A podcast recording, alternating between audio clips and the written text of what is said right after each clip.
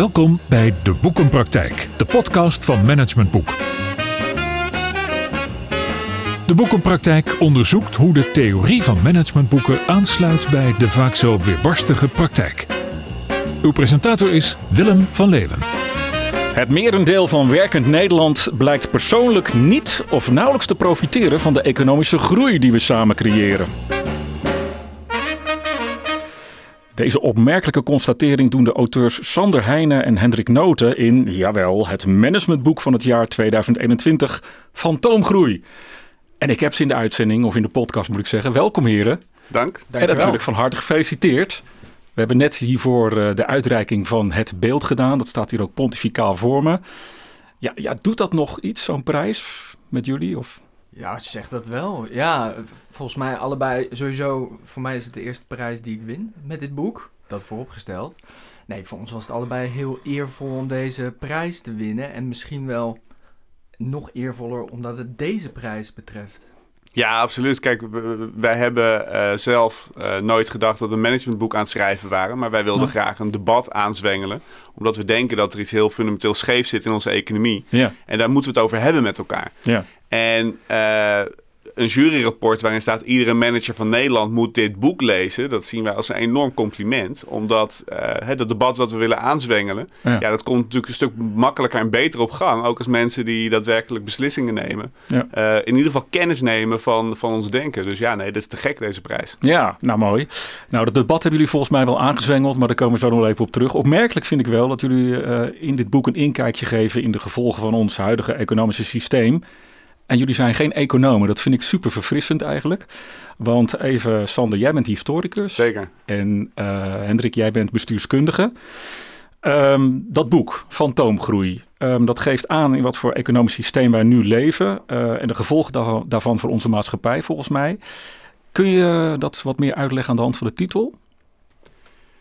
Nou ja, wat je, wat je, wat je dus ziet, hè, we, we, ons hele beleid, ons hele denken is eigenlijk gericht op de economie moet groeien. En dan krijgen we het vanzelf allemaal beter. Een beetje trickle-down economics. Ja. Dat kent iedereen nog wel vanuit de jaren tachtig.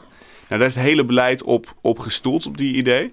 En als je dan gewoon wat beter naar die samenleving gaat kijken, dan zie je dat er, uh, bedoel, er zijn mensen die er buitengewoon goed van profiteren, ook van die groei die we creëren. Maar je ziet gewoon dat, er, dat, dat de grote problemen die we hebben, Van de woningmarkt tot klimaatprobleem, tot sociale ongelijkheid, tot, tot kansenongelijkheid. Je ziet eigenlijk dat die economie groeit, maar dat die problemen niet worden opgelost of zelfs nog erger worden. Dus de vraag die eigenlijk onder dat boek ligt is, ja, wat heb je nog aan zo'n groeimodel als die problemen die we hebben helemaal niet worden opgelost en misschien juist wel worden verergerd. Dus, Hoe komt dat? Hoe komt dat, dat, dat we aan de ene kant wel groeien en aan de andere kant die problemen worden verergerd, Hendrik? Nou, omdat we met die groei eigenlijk, eigenlijk zijn we doel en middel door elkaar uh, gaan halen. Die, die groei was ooit een, een, middel om het, om het met elkaar beter te krijgen. Maar daar Hmm. moet je wel aan allerlei voorwaarden gaan voldoen. Het komt niet uit de lucht vallen. Dat heeft te maken met hoe we uh, onze organisaties inrichten, hoe we bedrijven inrichten, het, het beleid dat de overheid maakt. Ja. En, en als aan die voorwaarden is voldaan, dan kan die groei ons ongetwijfeld een stuk, stuk verder brengen. Ja. Maar doordat we uh, die groei eigenlijk als doel op zich zijn gaan, gaan maken en, en die voorwaarden een beetje uit het achterhoofd zijn, zijn die zijn verdwenen. Eigenlijk. En wie zijn dan we? Want je hebt het over we. Ik denk we als, als samenleving. We the people. We the people. Dus we zijn, we zijn er allemaal schuldig aan. Nou, we zijn allemaal onderdeel van het systeem. Ik, Ja, wil, ja, ik ja. wil nooit praten in termen van die is er schuldig aan of niet. Wij, wij geloven helemaal niet, tenminste ik geloof niet in, uh, in kwade uh, bedoelingen. Nee. Alleen als je Dat ziet dat je bezig bent met een, met, een, met een economisch model wat aan alle kanten eindig is. Uh, iedereen weet dat niks in het oneindige kan groeien. Mhm. Iedereen weet inmiddels wel dat we een probleem hebben met het klimaat. Mhm. Iedereen ziet wel dat het een probleem is dat, uh, dat uh, 1 op de 11 kinderen in Nederland met honger naar school gaat. Dat 40% van de mensen nul vermogen heeft. Hè? Dus die, die hebben geen spaargeld, die hebben geen huis, die hebben eigenlijk helemaal, helemaal niks. En die andere helft van die samenleving is ongelooflijk vermogend. Ja. En, en dat is een ongelijkheid waar je wat aan zou moeten willen doen. Ja. Uh, uh, en het kan ook makkelijk, want we zijn nog nooit zo rijk geweest als nu. Maar toch verwijzen jullie in het boek, wat mij betreft, meer naar het systeem en naar de politiek en naar het economisch systeem dan naar we. Dus ik lees in het boek volgens mij wat minder over wat ik als burger eraan zou kunnen doen. Klopt dat? Ja, ik denk dat dat wel klopt eigenlijk, nu je dat zo zegt. Um, maar wat denk ik het allerbelangrijkste is, is dat de politiek of het systeem is uiteindelijk, eh, normaal gesproken, gaan we als burger daarover. Hè? De politiek zou een uitdrukking moeten zijn van wat wij als... Van wie wij kiezen. wie Ja. wij kiezen, wat wij willen, wat we belangrijk vinden, wat we van waarde vinden. En, maar het begint er wel mee dat ons bewust zijn van, van wat er aan de hand is om wellicht andere keuzes te kunnen maken. Ja. Toch nog even, hè. de de ondertitel van het boek luidt waarom we steeds harder werken voor steeds minder. Hè. Dat is eh, zeg maar die, ook die fantoomgroei. Hoe kan dat dan? Want we worden steeds intelligenter als burger, we worden steeds kritischer. Hè, we zijn beter opgeleid over het algemeen. En toch pikken we het kennelijk dat we, eh, nou, ons inkomen niet meegroeit met de economische groei. Wat is daar de verklaring voor? Nou, er zijn denk ik een aantal verklaringen voor. Maar de verklaring waarom we het pikken, die is eigenlijk misschien wel de ingewikkeldste. Hm. Maar dat heeft heel erg te maken met dat we dat... ehm, we zijn vergeten dat economie is eigenlijk een politieke bezigheid. Mhm. En want economie gaat altijd over de verdeling wie krijgt wat en waarom. En dat zijn per definitie politieke vragen. Alleen we zijn vanaf de jaren tachtig zijn we die economie gaan zien als een soort van... Er is maar één manier van denken binnen die economie. Een beetje de neoclassieke stroom. Of eh, nou, de laatste tijd hebben we de term neoliberalisme vaak voorbij horen Ja. komen. Die gebruiken wij bijna niet in het boek. eh, heel bewust ook. Waarom niet? Even tussendoor. Nou ja, wat, het is zo'n containerbegrip. Ja. En, en dan kom je meteen ook weer in debatten terecht met mensen die zeggen dat neoliberalisme niet bestaat en zo, weet je wel. Want nou goed, dus, dus je komt in een eindeloze begrippen, eh, Hmm. definitiekwestie terecht. En dat Ja. wil een beetje uitblijven. Maar feit is dat, je, dat economie wordt in Nederland gepresenteerd als iets heel neutraals. Je kan, eh, en, en dan krijg je top-economen op televisie die komen dan vertellen... nee, de economie eh, gaat slecht. Moet En- gestimuleerd en, en, dan, worden. en dan bedoelen ze, Ja. als ze zeggen de economie gaat slecht... bedoelen ze dat er iets minder is geproduceerd dan eh, het kwartaal ervoor. Ja. Hè, maar de vraag is, eh, gaat het dan slecht? En als er iets meer is geproduceerd, zeggen ze het gaat goed. Maar de vraag wat het betekent, hè, dat de hele samenleving in het doel staat om steeds meer spullen te maken. In feite zeg je dan, het grote probleem dat we hebben als samenleving is dat we niet genoeg spulletjes hebben. Terwijl ik denk zelfs in de armste gezinnen zijn spulletjes Ja. eigenlijk, eigenlijk niet het probleem. Schulden zijn een probleem. ehm, ehm, ehm, nou ja, we hebben een heleboel andere problemen, maar, maar, maar, maar, maar dat niet. En, het, en dat presenteren als een soort van neutrale bezigheid, dat hebben we ons allemaal zo eigen gemaakt. Maar we focussen we ons als- wel heel erg op die, op die spulletjes en op die materie en op die groei. Hè? Want als zo'n top-econoom op televisie zegt dat, het, dat we minder groei hebben of geen groei, dan schrikken we allemaal en denken we, oeh, het gaat de verkeerde kant op. Ja, en, en, maar dat is, dat is dus een enorm probleem. Ja. Eh, hè, dus, dus, en, en politici zien dat wij schrikken als, als iemand zegt dat de economie slecht gaat. Ja. Alleen we zijn de economie zijn we gelijk gaan stellen met het bruto binnenlands product. Hè. Dus, dus, dus de index waarin we meten hoeveel spullen we maken en hoeveel diensten we leveren. En als je die twee aan elkaar koppelt, ja, dan maak je wat Hendrik eigenlijk al zei, van wat ooit een middel was. Hè, want het, het bruto binnenlands product was ooit een middel om een oorlogseconomie te stroomlijnen. Hè. Ja. De Amerikanen hadden veel wapens nodig in korte tijd. Nou, die hebben een middel bedacht om, om handig te meten of hun industriële output omhoog ging. En, en dat was een middel om de oorlog te winnen, om de Duitsers en de Japanners te verslaan. En na de oorlog zijn we eigenlijk vergeten dat dat gewoon een oplossing was voor een probleem dat ze toen hadden. Maar op dit moment hebben we hele andere problemen. En die problemen worden eigenlijk veroorzaakt door die enorme dwang om eh, producties te verhogen en steeds meer en meer en meer te maken. Ja, ja. En we zijn eh, niet in staat om tot goede oplossingen te komen. Waarom? Omdat wij dus zijn vergeten dat het BBP-groei geen doel op zich was, maar een middel. En als je dat middel verandert, dus heel anders naar die economie durft te kijken, dan kan je die problemen die we hebben veel makkelijker oplossen. Ja, je zei ook al iets over die, eh, die schulden. Ehm, er is een grotere tweedeling gekomen ook. Hè? Eh, De fantoomgroei heeft ook mede gezorgd, het economisch systeem, voor een grotere tweedeling. Haves en have-nots. Hoe, hoe komt dat, Hendrik? Nou ja, dat is ook. Het is natuurlijk de million dollar question, hoe dat komt. Ehm, maar waar, volgens mij in essentie is het zo dat uiteindelijk hoe we nu die economie werken, het er altijd toe leidt dat als je eh, wat hebt, eh, en de woningmarkt is hierin denk ik een heel mooi voorbeeld voor iets wat nu op, eigenlijk echt aan het ontsporen is, Ja. is dat als je wat hebt, is het altijd makkelijker om daar meer van te, meer van te maken. Hè? En nu zien we dus, dus bijvoorbeeld een tweedeling aan het ontstaan tussen de mensen die hebben een woning Ja. en de mensen die hebben geen woning. De mensen die die woningen hebben, op dit moment hoeven er eigenlijk niks voor te doen om die woning in waarde te zien stijgen. En de mensen die dat niet hebben, eh, ja, die, Die missen de boot eigenlijk. Ja, die, Ja. Missen, die hebben de boot gemist. Ja. Ehm, en die moeten zich in de schulden steken. Straks, als nu die mensen die die woningen hebben, waarvan we die waarde enorm zien eh, toenemen, die gaan op een gegeven moment komen die wellicht te overlijden, die hebben kinderen. En al dat vermogen gaat gewoon wam in één grote Die boot gaat eigenlijk naar die kinderen van die mensen die nu die woning bezitten. Zeg. Ja. Dus je hebt wat, dat neemt in waarde toe. En in feite, de kinderen bijvoorbeeld hoeven er niet zoveel voor te doen om dat te incasseren. Dus het heeft echt te maken met wat je nu zeg maar aan waarde al hebt. Bijvoorbeeld zo'n woning en niet. Het heeft niet te maken met wat ik altijd dacht.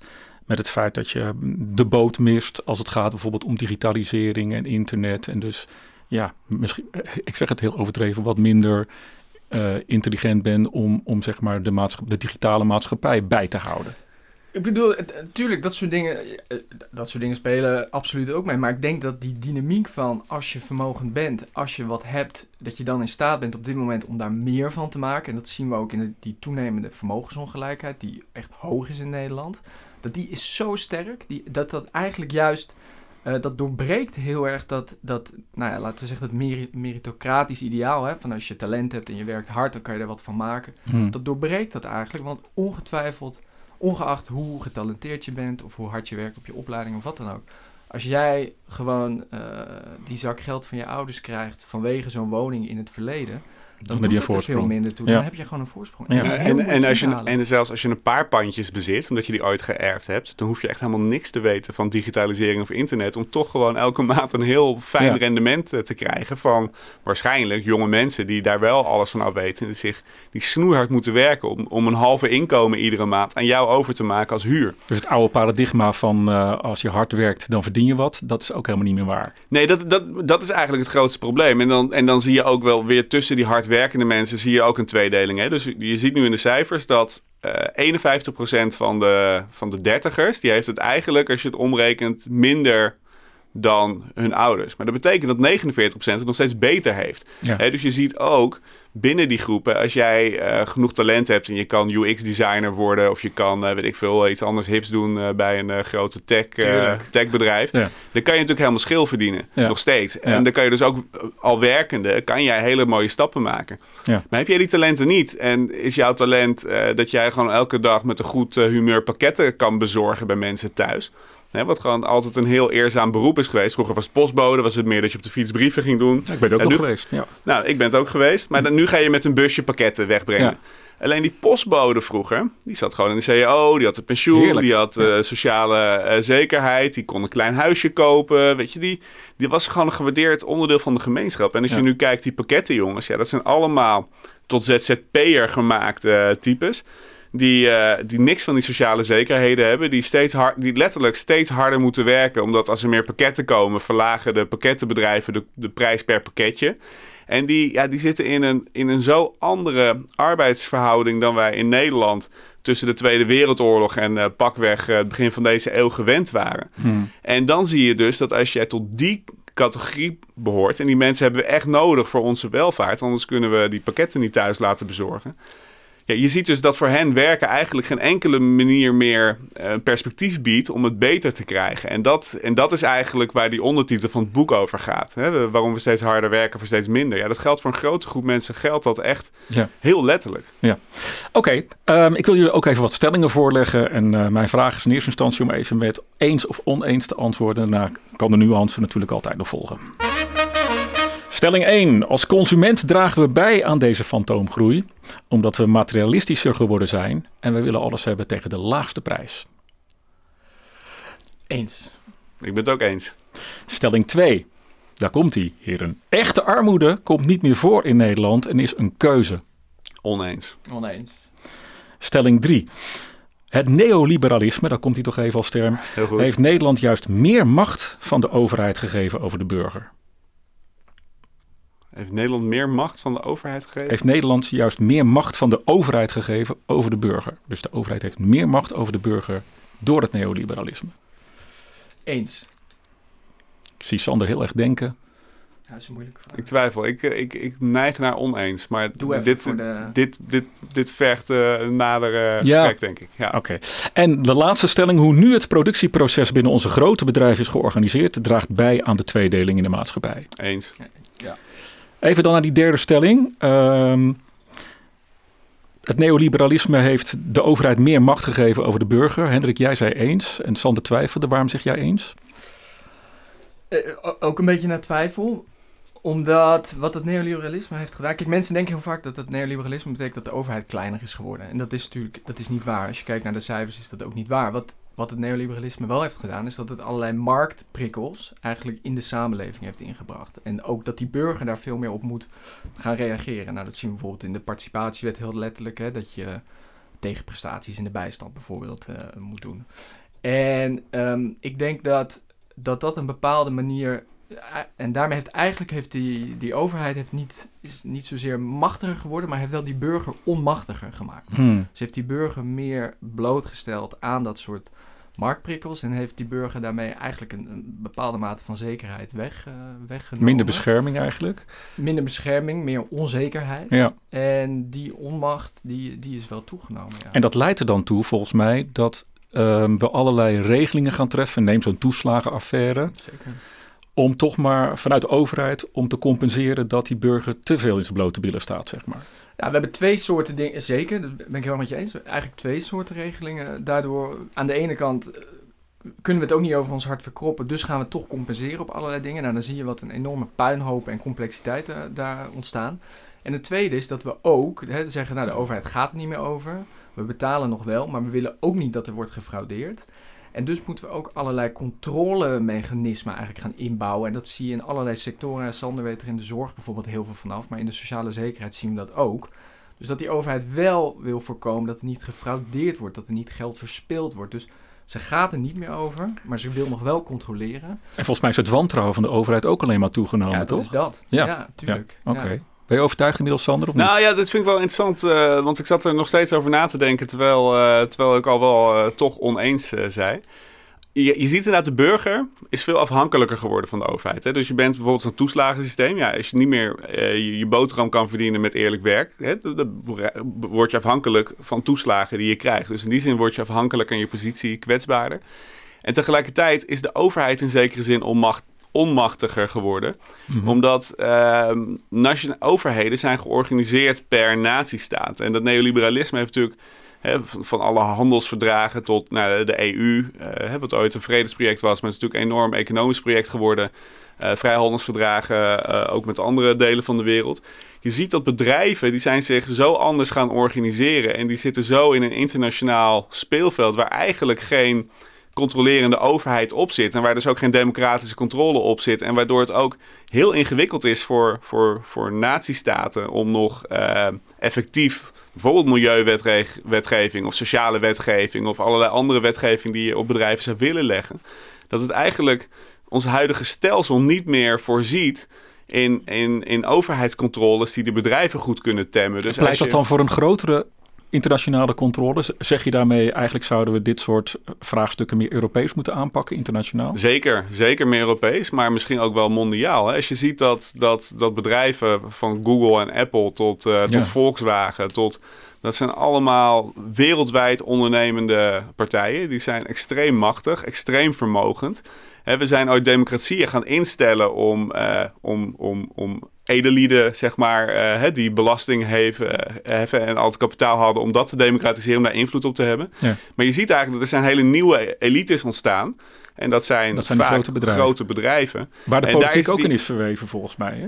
Voor een deel wel, maar uiteindelijk er zit geen duidelijke. Je kan niet uh, ergens uh, gaan een stem uitbrengen om uh, iemand neer te zetten die gewoon daadwerkelijk die bedrijven kan controleren of maatregelen daar kan opleggen. En dat geldt natuurlijk wel voor de bakker om de hoek. Hè. Die moet gewoon voldoen aan nationale Nederlandse wetgeving.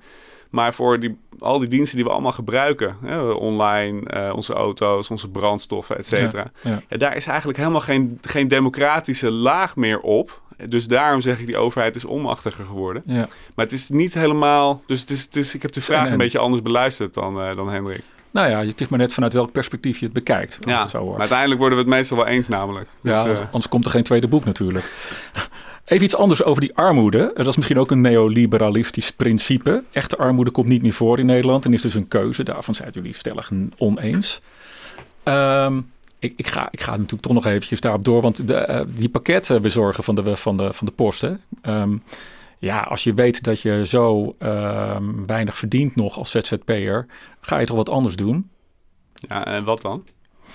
Ja, dan ga je een opleiding volgen om misschien ook IT uh, geschoold te raken. En, uh, nee, maar dan, ga, maar dan ga je ervan uit dat iedereen een opleiding kan volgen om IT geschoold te raken. Even als voorbeeld, hè? Nee, maar stel dat ik nu een opleiding zou moeten... Ik denk dat ik op zich redelijk uh, enigszins intelligent ben. Mhm. Uh, maar als, ik, als, als mijn toekomst ervan af zou hangen dat ik leer programmeren... Ja, dan word ik heel arm. Weet je, dat, dat, dat talent heb ik niet. Nee. Um, en uh, ik denk dat voor veel, heel veel werk dat gewoon wordt gedaan en gedaan moet worden. Ook om een samenleving te hebben waarin mensen met uh, IT-diensten iets kunnen. Ja. Um, nou, ik vind het eigenlijk wel een heel mooi voorbeeld. De meeste pakketten worden besteld via Amazon. Daar zitten dus allemaal slimme IT-jongens die Ja. die code schrijven, zodat wij eh, pakketten kunnen bestellen. Maar als er niemand die pakketten gaat bezorgen, ja, dan heeft het helemaal geen zin om, om zo'n Amazon, om zo'n platform te bouwen. Dus om daar aan te programmeren. En het punt is dat wij hebben dus nodig dat pakketten worden bezorgd, maar we zijn niet bereid om die mensen een eerlijk loon te geven ervoor. En dan zeggen we als die mensen gaan eh, zeggen van ja, we willen meer verdienen, zeg jij van nou moet je maar gewoon lekker wat anders gaan doen. Het is eigenlijk een hele rare manier van redeneren, toch? Nou ja, misschien wel. Maar even toch nog daarop doorgaan. Hè? Want eh, ik, ik zit natuurlijk even te triggeren op die eigen keuze. Nee, ik en vind het leuk. eigen cirkel van invloed. Oké, dan ben ik die pakketbezorger. Ik, ik ben niet in staat om een andere opleiding te volgen. Maar ik kan misschien wel zeggen, beste, beste mede-collega's, wij gaan ons organiseren. Alleen is maar alleen. En wij pikken dit gewoon niet. Wij leggen het werk als ZZP-groep pakketbezorgers neer. We pikken het niet. Nou, dat moeten ze ook doen. Alleen de kartelwetgeving staat het ZZP'ers niet toe om gezamenlijk eh, de armen ineen te slaan en te zeggen: dit is onze prijs en anders doen we het niet. Hmm. Hè, dus ze worden eigenlijk gevangen in wetgeving die bedoeld is om ja. consumenten te beschermen. Ja. Dus in feite zijn het losse arbeiders. Dan zijn we terug aan het eind van de 19e eeuw, toen vakbonden nog verboden waren. Ja. En die emancipatiestrijd, die moet dus helaas opnieuw worden gevoerd. En dat is, ja... Ja, ik denk, ik, ik- volgens mij stip je hier wel een punt aan. Want het is niet zo dat die mensen inderdaad onmachtig zijn om voor zichzelf op te komen. En hier zie je toch ook wel, en dat vinden ze. Het is altijd een pijnlijk punt als we dat opbrengen. Maar dat, dat toch ook wel de Nederlandse vakbeweging heeft wel een beetje de boot gemist. Bijvoorbeeld op dit, op dit onderwerp. Hè? Dus Hoe komt dat dan, eh, Hendrik? Hebben ze zitten slapen? Of eh, is, het, is het systeem van organiseren verouderd? Eh, beide. Ik denk dat ze zeg maar wel wat vernieuwing in hun, hun presentatie kunnen gebruiken aan de ene kant. Maar ze hebben ook heel lang gedacht van nou ja, al die mensen, die kwetsbare schil zeg maar, hè, die aan het ontstaan is in Nederland. Ja, die, die beschermt ook wel een beetje onze leden die meer in de kern zitten. En, en dus dat vinden we eigenlijk niet zo, niet zo erg. Dus da- daar hebben ze ook heel lang ja, niet op ingezet. Eh, en nu kan je je afvragen of het, of het daar niet eh, wat aan de late kant voor is geworden. Want dat, dat, dat, kijk, ik snap heel erg goed de invloed van het systeem als, jullie, als ik jullie boek lees. Maar ik probeer steeds te zoeken naar, natuurlijk aan de ene kant, hoe kunnen we het systeem veranderen? Komen we zo meteen nog even op. Maar ook wat, wat, wat kan ik doen als ik bijvoorbeeld zo'n ZZP'er ben? Hè? Want ik laat me ook een beetje, zeg maar, eh, eh, nou ja, eh, uitkleden. Nee, natuurlijk. Maar, maar, maar natuurlijk moet, is het voor iedereen persoonlijk slim om te streven naar een, een, een manier om je brood te verdienen waarmee je goed wordt betaald. Hè? Dat, is natuurlijk, dat is natuurlijk een heel logisch gegeven. Alleen ten eerste denk ik dat dat niet kan. Want anders zou iedereen eh, die, die ontevreden is over zijn inkomen dat al gedaan hebben. Niet iedereen kan die stap maken. Maar ten tweede, stel nou eens dat wel iedereen die stap gaat maken. Ja, wie gaat dan die pakketten nog bezorgen? Weet je, wie gaat dan nog eh, de kantoren en ziekenhuizen schoonmaken? Wie, hebt- wie gaat dan al dat werk nog doen? Je hebt het steeds over die pakketbezorger die weggaat om een IT-opleiding te volgen. Maar ik zit al op, de, op het station dat die pakketbezorger zich gaat organiseren. Waardoor eh, die pakketbezorger gewoon een, een, een stem krijgt tegenover zo'n grote organisatie. Om te Nee, zeggen, kijk, dat ben ik volledig met je eens. Dat zou natuurlijk, dat zou natuurlijk gewoon moeten Hmm. gebeuren. En volgens mij is het ook aan het gebeuren. Hoor. Je hebt steeds meer... het zijn nu nog wilde acties her en der. Maar volgens mij is dat zich ook steeds meer aan het organiseren. En ja, dat kunnen we natuurlijk alleen maar aanmoedigen. Dus in die zin, ja. Maar het is, het is toch wonderlijk dat we die strijd... Hè, dat zei ik net ook dat die strijd opnieuw gevoerd moet worden. Ja, ik vind dat heel gek eigenlijk. We hebben ooit ook...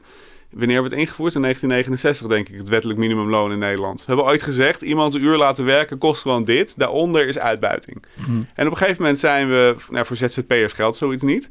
Hè, dus zijn we de facto weer van die gedachte afgestapt. En dat is... Maar waar hebben wij dan de boot gemist? Ik bedoel, wat is er dan gebeurd? Want we, we- dan kom ik toch even terug op wat ik al eerder zei. We zijn niet dom als, als burger. Dus ehm, we laten ons niet alleen maar wegzetten met eh, een Rutte die ons belooft 1000 euro te, te, wat is het, te, te schenken. Uh, Ja. Ofwel. Nou ja, hij is nog steeds de grootste volgens mij met stip. Dus misschien laten we ons wel daardoor wegzetten. ja oké. Eh, Dus we zijn ook wel, we zijn toch wel naïef hierin. Mm, ja, en we zijn misschien ook een beetje, maar dan, dan ga ik een stapje zetten naar je andere stelling. Dus ik weet niet of je dat als Ja, doe maar, gespreksleider doe maar. goedkeurt. Maar er zit natuurlijk ook wel, misschien zijn we ook wel als consument, eh, hebben we natuurlijk voor een deel ook een verantwoordelijkheid. En zijn we ook wel vergeten te vragen van wat de prijs van bepaalde dingen is. Hè? Ik, ik moet het inmiddels, eh, wij wonen allebei in Amsterdam, er komen nu een paar nieuwe bedrijven weer op de markt met een hele bak durfkapitaal daarachter. Dat ik binnen een half uur volgens mij mijn boodschappen bezorgd kan hebben. Maar om in de analogie van die pakketbezorgers te blijven, ik vind het inmiddels wel normaal dat als ik 's ochtends bestel, dat ik het 's middags bij wijze van spreken Ja. in huis heb en dat ik er niks extra's voor betaal ook nog. Ja, Precies. euro. Weet je wel? En En de, rij, en de rijen bij de Primarks, eh, die, die zijn weer eh, groot gegroeid. Ja, en je kan je natuurlijk afvragen van, oké, die, die klik eh, op die knop op mijn laptop, daar gaat natuurlijk een wereld achter schuil. Dat, boek, dat, dat, dat boekje, of wat het ook is, nou laten we zeggen dat boek van managementboek, dat komt niet uit de lucht bij mij op de deurmat vallen. Daar moeten mensen vervolgens voor gaan lopen. En, en ben ik me bewust van wat ik daarmee in beweging zet en wat daar eigenlijk de prijs van is? Of vind ik het steeds vanzelfsprekender dat, dat ik daar als consument in ieder geval niet voor hoef te betalen? En in die dynamiek zitten we, zitten we daar natuurlijk wel. Dus daar is wel ook een verantwoordelijkheid op een gegeven moment aan de consumentenzijde. Van hoe ver zijn we bereid te gaan? En is er ook een grens aan, nou ja, wat, wat Sander eigenlijk zei, van, van is er gewoon een minimumgrens Ja. waar we niet meer onderdoor kunnen? En is dat dan erg? Ja. Eh, Nou zitten hier ja. twee, twee mannen zitten hier heel gepassioneerd, hebben geen beeld, maar ik zie het wel, heel gepassioneerd eh, hierover te praten. Notabene een historicus en een eh, bestuurskundige. En ook ik zit me een klein beetje druk over te maken. Maar wa- wa- wat willen jullie hier nou mee? Behalve dat je natuurlijk een ontzettend mooi boek hebt gemaakt. En, en volgens mij de vinger op de zere plek hebt gelegd. Wat politici al jarenlang hebben geprobeerd. En kennelijk wat minder is gelukt. Vind ik ook interessant trouwens hoe dat komt. Maar wat willen jullie hier nou mee? Wat maakt, wat, wat, wat maakt dat je dit opschrijft en eh, publiceert? Nou ja, het begint natuurlijk gewoon met verontwaardiging. Van waarom zit die wereld zo in elkaar? En, In de kroeg Ik kan het niet anders, precies. Dus, Ja. dus zo begint dat. hè. Je begint een beetje...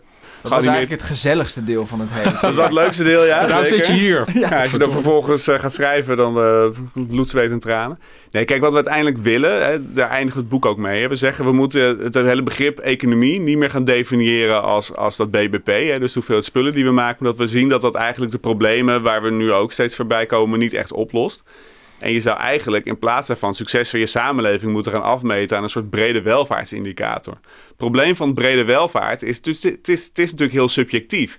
Er zijn heel veel dingen die je objectief kan meten daarin. Zoals eh, hoe wordt het met ZZP'ers omgegaan, hoe schoon is de lucht, hoe goed is de zorg, hoe goed is het onderwijs. Al die dingen kan je natuurlijk op zich meten in getallen. Maar hoe je zo'n indicator uiteindelijk samenstelt, is natuurlijk een hele politieke keuze. Dus, dus wat we met dat boek willen, is een gesprek op gang brengen van wat vinden we nou als burgers van Nederland, van Europa, van de wereld. Wat vinden we nou echt belangrijk? Wat voor wereld willen we nou echt bouwen voor onze kinderen? Ja. En dat is een heel politiek gesprek waar we als samenleving het echt over moeten hebben. En wat onze grootste, toch wel, eh, ja, een van de grote eh, ergernissen van ons is, is dat dat gesprek de afgelopen 40 jaar eigenlijk helemaal niet gevoerd is. Het is alleen maar Hm. maniacaal ingezet op groeien, winst optimaliseren, financialiseren. En, en, en dat moet echt anders. Want als we dat blijven doen, ja, dan storten we gewoon onze samenleving een afgrond in. Of in Nederland een beetje anders. Ik bedoel, het water komt gewoon op een gegeven moment eh, over de duinen heen, onder de duinen door. En, en Nederland is voor de helft weg, weet je. Dus, dus maar je die moet het- 49 procent, ik, ik weet niet of dat precies klopt hoor, maar laten we zeggen die, die heft die het wel goed hebben, ja, die, die, die, die leest dit boek misschien ook, eh, maar zal daar de verontwaardiging en de pijn net zo groot zijn? Ik bedoel, die denken misschien, ja, na mij eh, de zonvloed. Nou ja, en dat moeten ik ze heb dus een heel leuk aandeel. Ja. En, eh, Nee, maar ik bedoel, dat, dat, is, dat kan je heel makkelijk denken. Ik bedoel, wij behoren ook tot die groep die het goed heeft. Maar ja, wat, wat, is, wat, voor een samen, wat, voor een, wat zegt het over jezelf als burger als je denkt, ik heb het goed? En, en de generaties na mij en mensen die aan de andere kant van, van de stad wonen niet. Ja, fuck dat. Weet je, dat is, ik vind dat ik- een hele rare mentaliteit. Nee, ben ik heel met je eens natuurlijk. Maar ik zoek misschien in dit gesprek ook naar eh, iets meer ehm, invloed. In de zin van, eh, natuurlijk maak ik me als burger ook druk over het klimaat. En over de ongelijkheid in de samenleving. En ik kan bijvoorbeeld besluiten om niet een goedkoop kledingstuk te kopen, maar na te denken over hoe het gemaakt is. En ik kan een vuilnis scheiden, et cetera. Maar dat zijn de bekende dingen. Maar, maar waar ik naar zoek is, wat, kan ik nog meer doen? Wat, wat, wat, ja, hoe kan ik bijdragen aan het feit dat dit systeem maar doorgaat in termen van fantoomgroei eigenlijk? Nou ja, ik denk volgens mij moeten we sowieso al die kleinere dingen die je dan nu noemt, zou ik echt niet onderschatten in hun belang. Mhm. Eh, maar volgens mij het allerbeste wat je kan doen is bereid zijn om, om vanuit die positie die je hebt in ieder geval veranderingen te accepteren. En want dat is natuurlijk altijd het allermoeilijkste. We willen wel dat het anders is. We Mhm. willen dat het anders wordt. Maar we willen eigenlijk altijd het liefst dat het ons persoonlijk niet, eh, niet raakt. En ik denk dat daarin hebben we wel als burger echt een mentaliteitsverandering door te gaan. Juist ook bij die haves. Ehm, en, en, en dat besef, volgens mij, die, die flexibiliteit hebben als mens van er komen een aantal grote veranderingen aan, die gaan mij ook raken, maar die zijn nou eenmaal nodig. Dat dat is een soort ja, mindstate waar we eigenlijk met elkaar de komende tijd wel naartoe zullen moeten om die stappen te kunnen, te kunnen zetten. Wat gebeurt er als we het niet doen? Nou ja, kijk, in het boek hebben we het over, het, wij hebben het altijd over klimaat en sociale ongelijkheid als de twee grote eh, Ja, dus we hebben struikelblokken, zeg maar, van, eh van grote bedrijven die de macht hebben, aandeelhouders die hun zakken vullen, eh, toch? Het hele sterrenstelsel, zoals jullie Ja, het zo ik denk dat als we het Ja. niet doen, is het, is het echt heel simpel dat we op het gebied van duurzaamheid en klimaat. Ja, ik weet dat het psychologisch nooit werkt bij mensen om, om de doembeelden te schetsen, maar dan Mm. ziet het er gewoon echt heel erg slecht uit. En ik denk dat aan de sociale kant, ja, als we kijken naar eh, zeg maar de spanningen eh, die zich ook wel weer uit in, in politiek, het succes van populistische partijen, ja. Volgens mij hoef je niet heel veel verbeelding te hebben om de risico's te zien. Nou, maar kijk, waarom ik het ook vraag is, eh, ik ben natuurlijk een beetje veranderkundige en mijn overtuiging is altijd dat mensen gaan veranderen als de urgentie maximaal is. Hm. En ik kan me voorstellen als je in Amsterdam-Noord komt, in de tuindorp, dat, eh, dat, dat er heel veel schulden zijn en dat daar de urgentie wel gevoeld wordt. Als Ja. ik mijn eh, rekeningen dagelijks wel gewoon in de bus krijg en niet kan betalen. Maar dat andere deel, Hmm. Ja, dus dat is het interessante. Je ziet het met corona. Hè? Je, zag gewoon echt een aantal landen. Ik bedoel, in Nederland waren we ook vrij laat met Mhm. echt ingrijpen. Maar je zag het dus in, in het Verenigd Koninkrijk. Ik had een heel mooi voorbeeld. Hè? Boris Johnson die bleef iedereen handen schudden en eh, niks aan de hand. Tot Ja. hij zelf eh, op de intensive care lag. Ja. En toen was de urgentie toch wel groot om, eh, om iets te gaan doen. En, en het probleem is met, de, met, met, met, met hè, zo'n publieke sector die helemaal is, is veranderd en deels is geprivatiseerd. Hè, als, jij, als jij nu slecht voor je onderwijs zorgt, ja, dat merk je pas over 30, 40 jaar zie je dat echt terug in hoe je economie functioneert. Hè, want eh, nou ja, ik ben in de jaren 80 en 90 naar school geweest. Maar mijn, eh, mijn ouders, die, die zijn nu net gepensioneerd, maar die zijn in de jaren 50 en 60 naar school geweest. En die investering in hun opleiding toen, daar hebben we vervolgens 40 jaar plezier van gehad. Dus, Ja. dus een aantal van die bewegingen, hoe wij de afgelopen jaren met de publieke sector zijn omgegaan, dat, heeft, dat eilt heel lang na. Dus die urgentie, we beginnen nu steeds meer te voelen. We merken nu aan het begin van de pandemie dat we eigenlijk helemaal niet de capaciteit hebben om een schok op te vangen. Ehm, eh, en en hè, we zagen met die coronarellen ook dat de politie eigenlijk helemaal niet de capaciteit Politie is heeft onderbezet, eh, de zorg natuurlijk. Precies, alleen dat is het gevolg van 30 jaar eh achterloos omgaan Ja. met die sectoren. En dan voor je dat weer herstelt, dat ben je heel lang bezig. Dus dat is, dat is, dat is een deel van het probleem. En dat, is, dat zit uiteindelijk toch echt in de politieke partijen waar we op stemmen. Ja, die daar- die daar- dat gedaan hebben. Dus, dus in ons stemgedrag zit het. We hebben het in je persoonlijke gedrag. Maar even naar dat stemgedrag dan toch, hè? Want eh, nou, dan roepen we ook allemaal de zorg, daar moet geld bij. Want dat is enorm eh, afgebroken uit de afgelopen jaren. De politiek doet het dan niet. Er zijn zelfs ministers die de Kamer uitlopen als er over zo'n motie gestemd moet worden. En wat doen wij in maart? Wij stemmen allemaal weer redelijk rechts. Ja, maar misschien moet het gewoon. dat- ik vind wel. Ja, het is boeiend wat je zegt. Misschien moet het dus nog spannender worden. Want ik vind de Verenigde Staten hierin bijvoorbeeld nu een heel interessant voorbeeld. Waarin eh, wellicht de meest saaie president ooit verkozen is. Die man Ja. is, is ruim op leeftijd, maar komt plotseling met een. Als je het hebt over veranderkunde of transities, komt met een heel radicaal programma. Omdat volgens mij, denk ik, wat daar is gebeurd, is dat dat land heeft, denk ik, democratisch gezien aan de rand van de afgrond gestaan eh eh, Mhm. afgelopen vier jaar. Zeker nog deze winter. Heeft echt over het randje de diepte ingekeken en gedacht, oei, het is toch wel heel erg diep. En nu denk ik dat daar die politieke elite een soort besef heeft van als we nu niet leveren het komende jaar, als we de komende twee jaar, drie jaar, die urgentie waar jij het over hebt, hè, Ja. als we niet leveren nu, dan is het misschien wel game over over vier jaar. Ehm, en misschien is het wel zo dat we in Nederland of in Europa gewoon dat het nog niet spannend genoeg geweest is. Vier jaar geleden ging het over de populistische golf. Le Pen zou verkozen worden, Alternatieven voor Duitsland zou verkozen worden. Wij zouden Wilders eh, de grootste worden. Werd hem allemaal net niet. Ja, misschien is de harde waarheid wel dat wij net nog even, eh, iets meer dat het huis een beetje eh, iets meer in brand nog moet staan voordat we echt eh, gaan blussen. Dat zou kunnen. Ja, en dan heb ik het over eh, politieke keuze en stemmen. Ik vind het een waanzinnig goed boek, omdat het nogmaals, het systeem, vind ik, hebben jullie echt helemaal beschreven. hoe het ook, het sterrenstelsel, hoe bedrijven steeds machtiger worden, hoe de politiek ermee verweven is en hoe de tweedeling daarmee in de maatschappij bereikt wordt. Ehm, dat volgende boek, dat moet dan wel gaan over wat ik eraan kan doen hè, als, als lezer en als burger. Want dat mis ik nog een beetje. Ja, dat, dat, is, dat, is, dat is ook heel ingewikkeld. En we hebben eigenlijk dit boek geëindigd met... Uh, we willen het gesprek neerleggen in de samenleving. En dat mhm. gesprek zijn we nu aan het voeren. En, en daar zit ook wel een beetje de gedachte achter van het zou... Het zou ook wel van een zekere verwaandheid eh, getuigen als wij een soort van voor toren zouden beklimmen en zeggen van nu moeten we het zo en zo en zo doen. Hè? Uh, dus, dus we hebben dat nou. heel bewust niet gedaan, maar we willen dat mensen daarmee aan de slag gaan. En, en terwijl we aan het praten zijn over wat je zelf kan doen, ik weet niet waarom, maar het schiet me opeens te binnen van ja, ik heb geen idee hoe mijn blouse is gemaakt die ik aan heb. Die heb ik gewoon ergens gekocht. Ik heb geen idee. Maar. Het zou heel fijn zijn als ik zou kunnen weten überhaupt of ik hiermee de planeet schade doe. Of, of die knoopjes door, en als je door een klein meisje eraan zijn genaaid. Of door gewoon... En als je morgen je blouse zat bent, denk ik, ik ga weer eens een andere blouse kopen. Ja, toch? Zeker. Ja. Dus, dus, uh, dus, dus het, is, het is gewoon, het zit op alle fronten. Het is ongelooflijk ingewikkeld. En uiteindelijk kan niemand dit probleem individueel oplossen. Er zijn geen individuele oplossingen voor dit enorme collectieve probleem.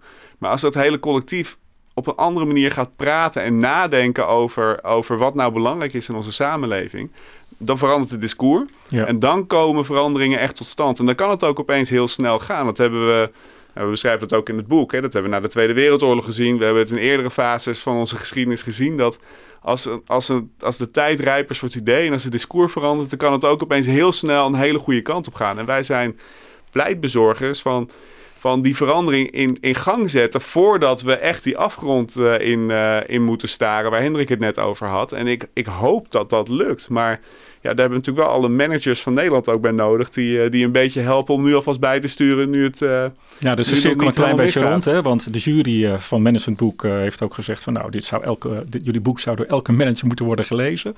Tot slot, die manager die luistert natuurlijk naar deze podcast, dat kan niet anders. Wat zou die manager al anders kunnen doen, die ook in zo'n systeem zit en elke dag uh, kijkt of ze mensen er een centje bij kunnen krijgen of niet. En of die zelf ook in de top van de directie kan komen om maar ook aandeelhouder te kunnen worden. Wat zou die kunnen doen? Poeh. Nou ja, jij, jij bent manager. Zei Hendrik tegen Sander. nou ja, kijk, kijk naar de dingen, waar heb je direct invloed op in je, in je besluiten. dus dus uh, de mensen die voor je werken, hebben die een eerlijk, eerlijke beloning of niet? Als je gewoon jezelf in hen verplaatst en je zou, dat, dat is altijd wel een goede maatstaf. Uh, dus dat is één. Twee, als je, als je dingen inkoopt of verantwoordelijkheid hebt over een deel van een keten, of als je iets van kan overzien, hou die, hou die gewoon eens kritisch tegen het licht. Uh, als jij in uh, de zonnepanelen zit, dan ben je misschien al heel goed en duurzaam bezig. Maar een aantal van die zonnepanelenbedrijven halen grondstoffen uit Xinjiang, hè, de provincie van de Oeigoeren. En die komen uit concentratiekampen, weet je. Dus, dus, dus verdiep je in het deel waar jij invloed op hebt. Dus niemand kan die hele wereld veranderen, maar iedereen heeft invloed op een klein stukje van die wereld. En als je daarin verdiept van wat doe ik eh, en wat kan ik bijdragen om dat ten goede te veranderen, ik denk dat je dan heel goed bezig bent, want dan ben je onderdeel van de oplossing. Ja. Doe je dat niet, ben je lui of ben je, interesseert het je niet, ja, dan ben je onderdeel van het probleem. En je moet jezelf de vraag stellen, welke van de twee wil ik zijn als manager? Mooi, mooi einde denk ik. Uh, dankjewel uh, Sander en Hendrik. Ik, eh, ik voel dus dat deel 2 aankomen, fantoomgroei, dubbele punt, ondertitel. Hoe ben ik onderdeel van de oplossing? Toch? Ja, een eerdere, ondertitel. ja, een eerdere winnaar van managementboek uh, van het jaar, Jeroen Smit, die zei tegen mij van, uh, ik verwacht dat je volgende boek fabuleuze groei is. En dat je dan uh, oh, uitlegt hoe dat, ja. hoe dat zit. Maar dat kan nog even duren, denk ik. Gefeliciteerd met nogmaals met jullie prijs, Sander uh, Heijnen en Hendrik Noten, uh, auteurs van het geweldige boek Fantoomgroei. Ik wil jullie bedanken voor deelname aan deze podcast. Want we hebben een, lesje economie gekregen, maar we hebben ook als consument wel een beetje een spiegel voor gekregen hoe we deze fantoomgroei mogelijk kunnen keren. Ja, ik verwijs jou als luisteraar van deze podcast natuurlijk weer heel graag naar de volgende aflevering, die over twee weken weer op alle grote podcastkanalen te vinden zal zijn. Ook daarin spreken we weer met een auteur of meerdere auteurs over zijn of haar opmerkelijk recent verschenen managementboek. En plotten we de strekking van dit boek op een actuele casus uit de praktijk. Rest mij je hartelijk te danken voor het beluisteren van deze podcast. Bij vragen, opmerkingen of suggesties doe het even via de mail info@managementboek.nl.